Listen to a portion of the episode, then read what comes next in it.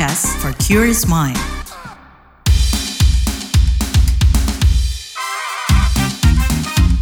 What's Trending KBR Pagi, siaran pagi radio paling update.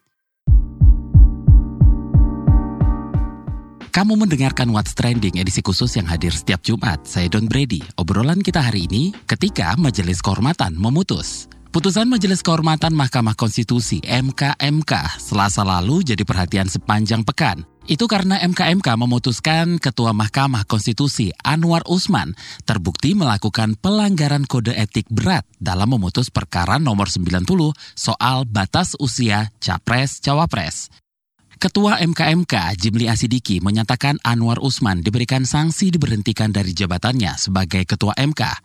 Majelis Kehormatan menilai Anwar Usman terbukti melanggar prinsip independensi dan integritas. memutuskan, menyatakan hakim terlapor terbukti melakukan pelanggaran berat terhadap kode etik dan perilaku hakim konstitusi sebagaimana tertuang dalam Sabta Karsa Utama, prinsip ketidakberpihakan, prinsip integritas, prinsip kecakapan dan kesetaraan, prinsip independensi, dan prinsip kepantasan dan kesopanan. Menjatuhkan sanksi pemberhentian dari jabatan Ketua Mahkamah Konstitusi kepada hakim terlapor. Putusan MKMK tersebut membuat para pelapor kecewa karena pelanggaran etik Ketua MK Anwar Usman hanya diganjar berupa pencopotan jabatan ketuanya saja tanpa diberhentikan posisinya sebagai hakim MK. Salah satu pelapor yang juga guru besar hukum tata negara dari Universitas Pajajaran, Susi Dwi Haryanti, berharap meski tak diberhentikan sebagai hakim MK, Anwar mestinya mengundurkan diri atas vonis pelanggaran berat dirinya. Kita review sebentar awal mula polemik ini. Keputusan MK terkait batas usia Capres-Cawapres nomor 90 diputus dengan komposisi 5 hakim mengabulkan sebagian, 4 hakim menolak. Dalam ketentuan syarat usia Capres dan Cawapres, MK mengabulkan syarat tambahan yakni pernah atau sedang menduduki jabatan yang dipilih melalui pemilihan umum termasuk pemilihan kepala daerah. Atas putusan tersebut, beberapa kepala daerah di bawah 40 tahun pun terbuka jalannya untuk maju sebagai calon wakil presiden pada pemilu 2024, termasuk anak Presiden Joko Widodo, Gibran Rakabuming Raka. Gibranlah yang akhirnya dipinang sebagai bacawa pres oleh Partai Gerindra dan pengusungnya untuk mendampingi baca pres Prabowo Subianto. Putusan ini kemudian dilaporkan ke MKMK ada sebanyak 21 pelapor dugaan pelanggaran etik dalam penanganan perkara 90 tersebut. Pasalnya, Ketua Hakim MK tak lain tak bukan merupakan adik ipar Presiden Jokowi sekaligus Paman Gibran. Kita mau ulas soal ini bareng News Editor Wahyu Setiawan usai jeda. Lu nyari apa sih? Sibuk amat dari tadi. Duit gue nih hilang, padahal udah dimasukin dompet. Ada tuyul kali ya? Hus, Jangan asal lo ya. Eh, bukannya tadi lo jajan kopi, ikut PO seblak sama nitip gorengan ya? Hah? Masa? Kok bisa nggak sadar ya? Bocor alus tuh, lo kudu disiplin keuangan makanya. Dengerin deh Uang Bicara, podcast dari KBR Pram yang ngebahas soal ekonomi dan literasi keuangan. Cocok banget buat anak muda kayak kita.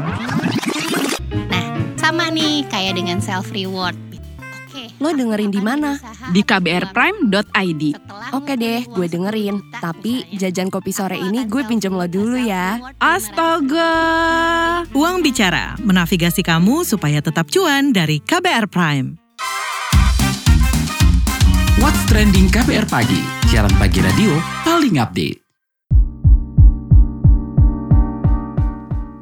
Balik lagi di What's Trending edisi khusus setiap Jumat. Topik kita kali ini ketika Majelis Kehormatan memutus. Salah satu pelapor Denny Indrayana memahami bahwa putusan MK bersifat final dan mengikat namun menganggap adanya pengecualian. Mantan Wakil Menteri Hukum dan Hak Asasi Manusia itu bersikeras bahwa MKMK mesti memberikan ruang kepada permohonannya untuk tidak hanya memberikan sanksi etik kepada Anwar Usman, tapi juga konsekuensi terhadap putusan 90. Hal ini dikatakan Denny dalam sebuah diskusi daring 4 November 2023. Wahyu menurut pantauanmu nih, apa alasan Denny menyebut MKMK bisa batalin itu putusan MK nomor nomor 90. Iya Don, Denny itu punya dua argumentasi ya mengapa MKMK juga harus membatalkan putusan nomor 90 itu. Hmm. Pertama, dia mengklaim sudah melaporkan dugaan pelanggaran kode etik Anwar Usman ke MKMK dua bulan sebelum MK membacakan putusan itu. Nah, Denny melaporkan Anwar atas dugaan pelanggaran kode etik. Pasalnya, berstatus sebagai paman, Mhm. Anwar Usman turut memutus perkara yang berkaitan dengan kepentingan keponakannya, yakni Gibran Rakabuming Raka. Ya. Kemudian yang kedua, argumen dari DNI ini eh, dia mengatakan sebuah putusan yang dalam proses penyusunannya diwarnai pelanggaran kode etik seharusnya ya dibatalkan. Hmm. Meski begitu, Denny memahami ya bahwa putusan MK itu bersifat final dan mengikat, Ya. sehingga tak bisa lagi diganggu gugat ya, karena peradilan pertama dan terakhir ya Don. Mhm. Kendati begitu, pada setiap prinsip hukum selalu ada pengecualian, yang salah satunya adalah ketika terjadi pelanggaran etik dalam penyusunan putusan. Nah, kata Denny, in every principle that should be exception ya, selalu ada pengecualian dalam prinsip hukum. Nah, dia mengakui selama ini belum pernah MKMK sebagai mahkamah etik membatalkan putusan MK karena menurutnya belum pernah terjadi nih kasus pelanggaran etik seperti yang terjadi pada putusan MK nomor 90 ya Don. Kedati begitu, Dedi menyebut peradilan etika kepemiluan yaitu Dewan Kehormatan Penyelenggara Pemilu atau DKPP itu pernah loh menjatuhkan sanksi etik kepada KPU sekaligus menjatuhkan sanksi koreksi terhadap putusan penyelenggaranya. Jadi Denny berkaca pada putusan ini ya Don. Putusan tersebut dibuat ketika DKPP diketuai oleh Prof. Jimli Asidiki. Oke, ada tanggapan MKMK soal ini. Ya dalam putusan MKMK selasa lalu itu Ketua MKMK Jimli Asidiki sudah menjawab ya Don soal Ya. permohonan mengubah putusan MK itu dan Hmm. dia menegaskan bahwa MKMK itu tidak bisa mengoreksi putusan kontroversial MK berkaitan dengan syarat usia minimum capres-capres. Ini penjelasannya. Putusan Mahkamah Konstitusi merupakan putusan lembaga peradilan yang mengadili norma yang bersifat abstrak. Oleh karena itu tidak tepat apabila pelapor memadankan putusan DKPP terhadap keputusan KPU dengan putusan Majelis Kehormatan terhadap putusan Mahkamah Konstitusi. Bahwa mengenai kewenangan Majelis Kehormatan untuk melakukan penilaian antara lain berupa pembatalan, koreksi, atau meninjau kembali terhadap putusan Mahkamah Konstitusi in kasu putusan Mahkamah Konstitusi nomor 90 PUU 2003 yang pada pokoknya berpendirian untuk menolak isu dalam laporan dugaan pelanggaran kode etik dan perilaku hakim konstitusi Tapi aturannya MKMK itu bisa nggak sih batalin putusan MK Wahyu? Nah, kalau tadi kan argumen Denny bahwa MKMK itu bisa melakukan pengecualian ya dengan membatalkan putusan MK. Tapi, kalau menurut pengajar hukum tata negara Sekolah Tinggi Hukum Indonesia Jentera, Mhm. Bivitri Susanti tidak berpikir demikian, Don. Kepada Kompas, Bivitri mengatakan Majelis Kehormatan tidak punya kewenangan untuk menilai sah atau tidaknya putusan MK, apalagi memperbaikinya. Hmm. Nah, dia tidak sepakat dengan pandangan Denny Indrayana yang disampaikan di dalam permohonannya yang meminta MKMK untuk menyatakan putusan 90 tidak sah. Kata dia, ini akan merusak sistem. Nah, MKMK itu bakal kayak lembaga PK ya, peninjauan kembali. Nanti semua Ya. orang bisa PK tuh, putusan ke MKMK. Mhm. Padahal cuma sekadar etik saja ya di MKMK. Daripada itu, Bivitri mendorong agar MKMK di dalam amar putusan atau setidaknya di dalam pertimbangan itu merekomendasikan MK untuk memeriksa ulang pengujian pasal 169 huruf Q Undang-Undang Pemilu terkait batas usia itu. Karena memang dengan adanya pelanggaran etik Anwar Usman, sebenarnya putusan 90 itu bisa dinyatakan tidak sah. Jadi dalam konteks itu Mahkamah Konstitusi harus segera menyidangkannya kembali. Untuk menyidangkan kembali Mahkamah Konstitusi itu kan tidak bisa proaktif. Jadi yang bisa dilakukan dengan cepat, makanya kita senang juga sudah ada empat perkara yang diajukan kepada Mahkamah Konstitusi. Empat perkara itu tinggal ditarik saja berkasnya oleh MK supaya MK bisa segera memeriksa lagi pasal 169 huruf Q itu yang jadi objek perkara putusan 90. Empat perkara itu ada tiga yang uji material, salah satunya diajukan oleh mahasiswa Universitas Nahdlatul Ulama dan besok jam 13.30 saya sudah lihat jadwalnya di website MK. Sidang pertama untuk perkara itu perkaranya misalnya perkara nomor 141 akan dilaksanakan. Satu lagi adalah uji formil. Uji formil ini diajukannya oleh Denny Indrayana dan Zainal Arifin Mohtar. Itu juga bagus. Intinya adalah harus ada yang memasukkan perkara untuk objek perkara yang sama dengan putusan 9 supaya MK bisa melakukan perbaikan. Karena secara prinsip yang bisa membatalkan atau mengoreksi, mengubah suatu putusan adalah pengadilan itu sendiri. Setali tiga uang, Dekan Fakultas Hukum Universitas Brawijaya, Aan Eko Widiarto, mengingatkan secara hukum positif MKMK tidak bisa menjatuhkan sanksi berupa pembatalan putusan MK nomor 90 tersebut. Pasalnya, secara gamblang dalam peraturan MK hanya mengatur tiga jenis sanksi pelanggaran etik dan membatalkan putusan MK itu nggak masuk loh dalam ketiga sanksi itu. Nah, Aan berpendapat sangat berisiko jika putusan MK terlalu mudah diintervensi, Don. Misalnya MKMK membatalkan putusan MK, kemudian di masa mendatang berpotensi ada persoalan serupa, mm-hmm. sehingga putusan MK bisa batal melalui cara yang sama. Akibatnya putusan MK nggak bisa lagi sesuai mandat konstitusi, yakni final dan mengikat. Ya, ini kalau dibiarkan ya dikhawatirkan dampaknya ke depan menjadi destruktif. Hmm. Menurut Aan lagi lebih baik MK memeriksa permohonan yang baru, apalagi ini sudah ada permohonan yang masuk ya untuk menguji pasal terkait usia capres-capres itu. Hmm, tapi kemarin kan selain lapor ke majelis kehormatan, ada juga kan yang mau pakai hak angket gitu. Gimana tuh jelasnya Wahyu? Oke, hak angket ya. Usulan ya. itu datang dari anggota DPR fraksi PDI Perjuangan Masinton Pasaribu. Hmm. Nah, dalam rapat paripurna, Masinton mengusulkan agar DPR menggunakan hak angket atau hak penyelidikan terhadap Mahkamah Konstitusi. Hak angket diusulkan terkait putusan uji materi MK nomor 90 itu, Don. Masinton menilai putusan MK merupakan tragedi dan mengancam konstitusi. Menurutnya, putusan itu tidak berlandaskan kepentingan konstitusi, melainkan demi kepentingan politik semata. Nah, masalahnya ada juga yang menganggap langkah untuk melaporkan MK atas perkara nomor 90 itu juga diwarnai isu politik. Iya, Don. Pengamat politik sekaligus peneliti indikator politik Indonesia, Bawono Kumoro, menilai isu putusan MK yang bergulir saat ini tampak menjadi semacam alat ya untuk hmm. mendegradasi pasangan Prabowo Gibran Don ya. yang beberapa kali elektabilitasnya unggul ya. Hmm. Nah, dilansir antara news, Bawono mengatakan sangat mungkin ada pihak yang mencoba menarik ini ke ranah politik elektoral ya. Sehingga menurutnya sangat berisiko bagi keberlangsungan stabilitas politik dan keamanan yang kondusif saat ini, Don. Nah, usai putusan MKMK, pihak yang keberatan putusan MK 90 soal batas usia capres-cawapres masih memiliki jalan lain. Kita bahas usai jeda. Bagaimana kamu melihat cinta? Seberapa jauh eksplorasimu soal cinta? Nikah pacaran cinta aja nggak cukup gitu. Tapi kalau saya bilang cinta aja tuh cukup. Makna cinta Cile aduh. Pokoknya ketika bilang cinta itu gue cuma tahu kalau you fall in love with the person and the complete package of the person ya. Cinta itu bisa menyenangkan tapi cinta itu kadang rumit.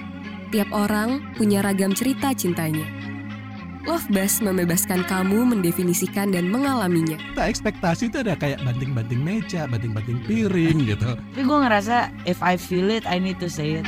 Dengarkan Love Bus di kbrprime.id. Tersedia juga di platform mendengarkan podcast lainnya. Love Buzz membicarakan perkara yang tidak dibicarakan ketika berbicara perkara cinta. What's Trending KPR Pagi, siaran pagi radio paling update.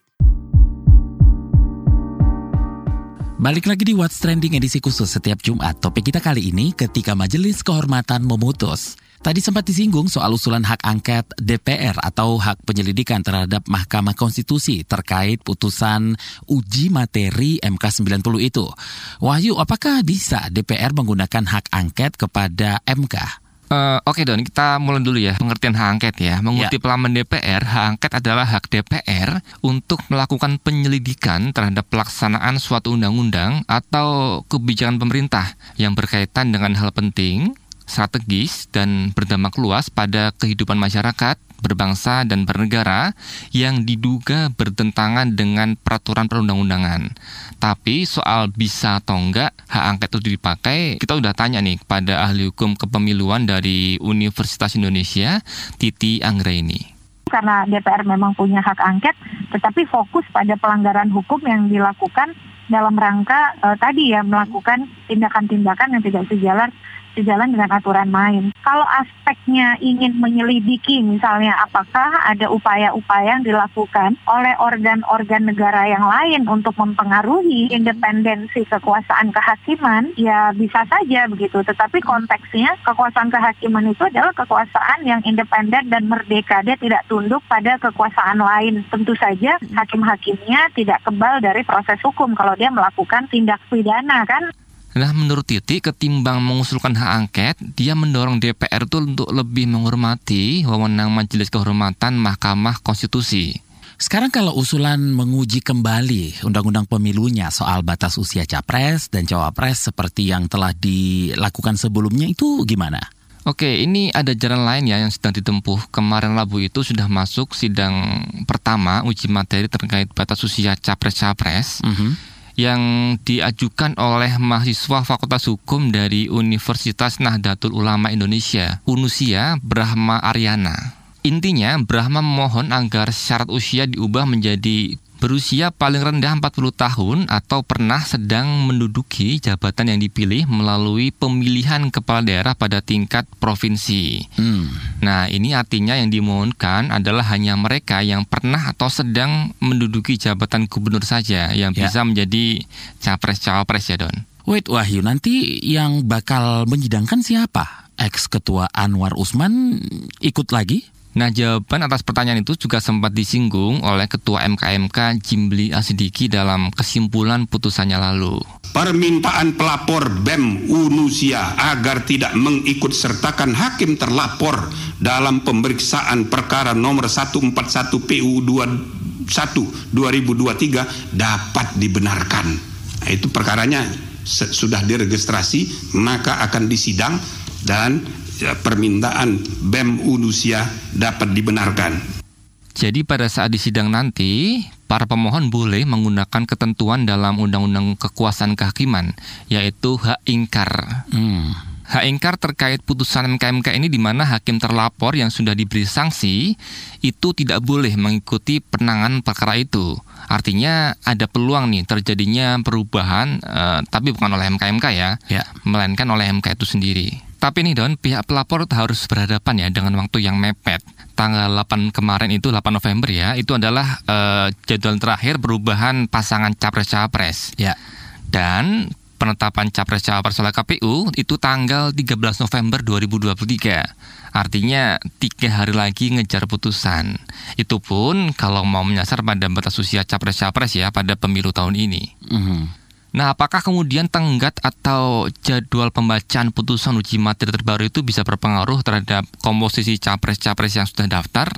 Nah, pakar hukum tata negara dari Universitas Andalas, Charles Simabura menjelaskan itu kepada KBR. Kalau itu putusan yang diberikan setelah tanggal 13 pada atau tanggal setelah tanggal 14 ya, kan penetapannya, mm-hmm. saya pikir itu memang kemudian tidak akan bisa diberlakukan ke belakang, tapi itu akan berlaku ke depan. Kenapa? Karena ini saya yakin MK juga akan mempertimbangkan uh, susunan tahapan pemilu yang kemudian harus juga berubah kalau itu seandainya dilakukan. Karena kan tahapan pemilu itu kan maju terus ya. Hmm. Selesai tanggal 14 akan tahap berikutnya. Kalau itu sempat diberlakukan juga seandainya putusan keluar setelah tanggal 13 lalu diberlakukan belakang, nah ini kan jelas akan uh, memberi dampak kepada tahapan pemilu yang ada sekarang. Oke, kita pantau saja ya bagaimana perkembangannya nanti. Sementara itu, sekian dulu What's Trending edisi Jumat ini. Saya Don Brady dan News Editor. Wahyu Setiawan, pamit. Sampai jumpa pekan depan.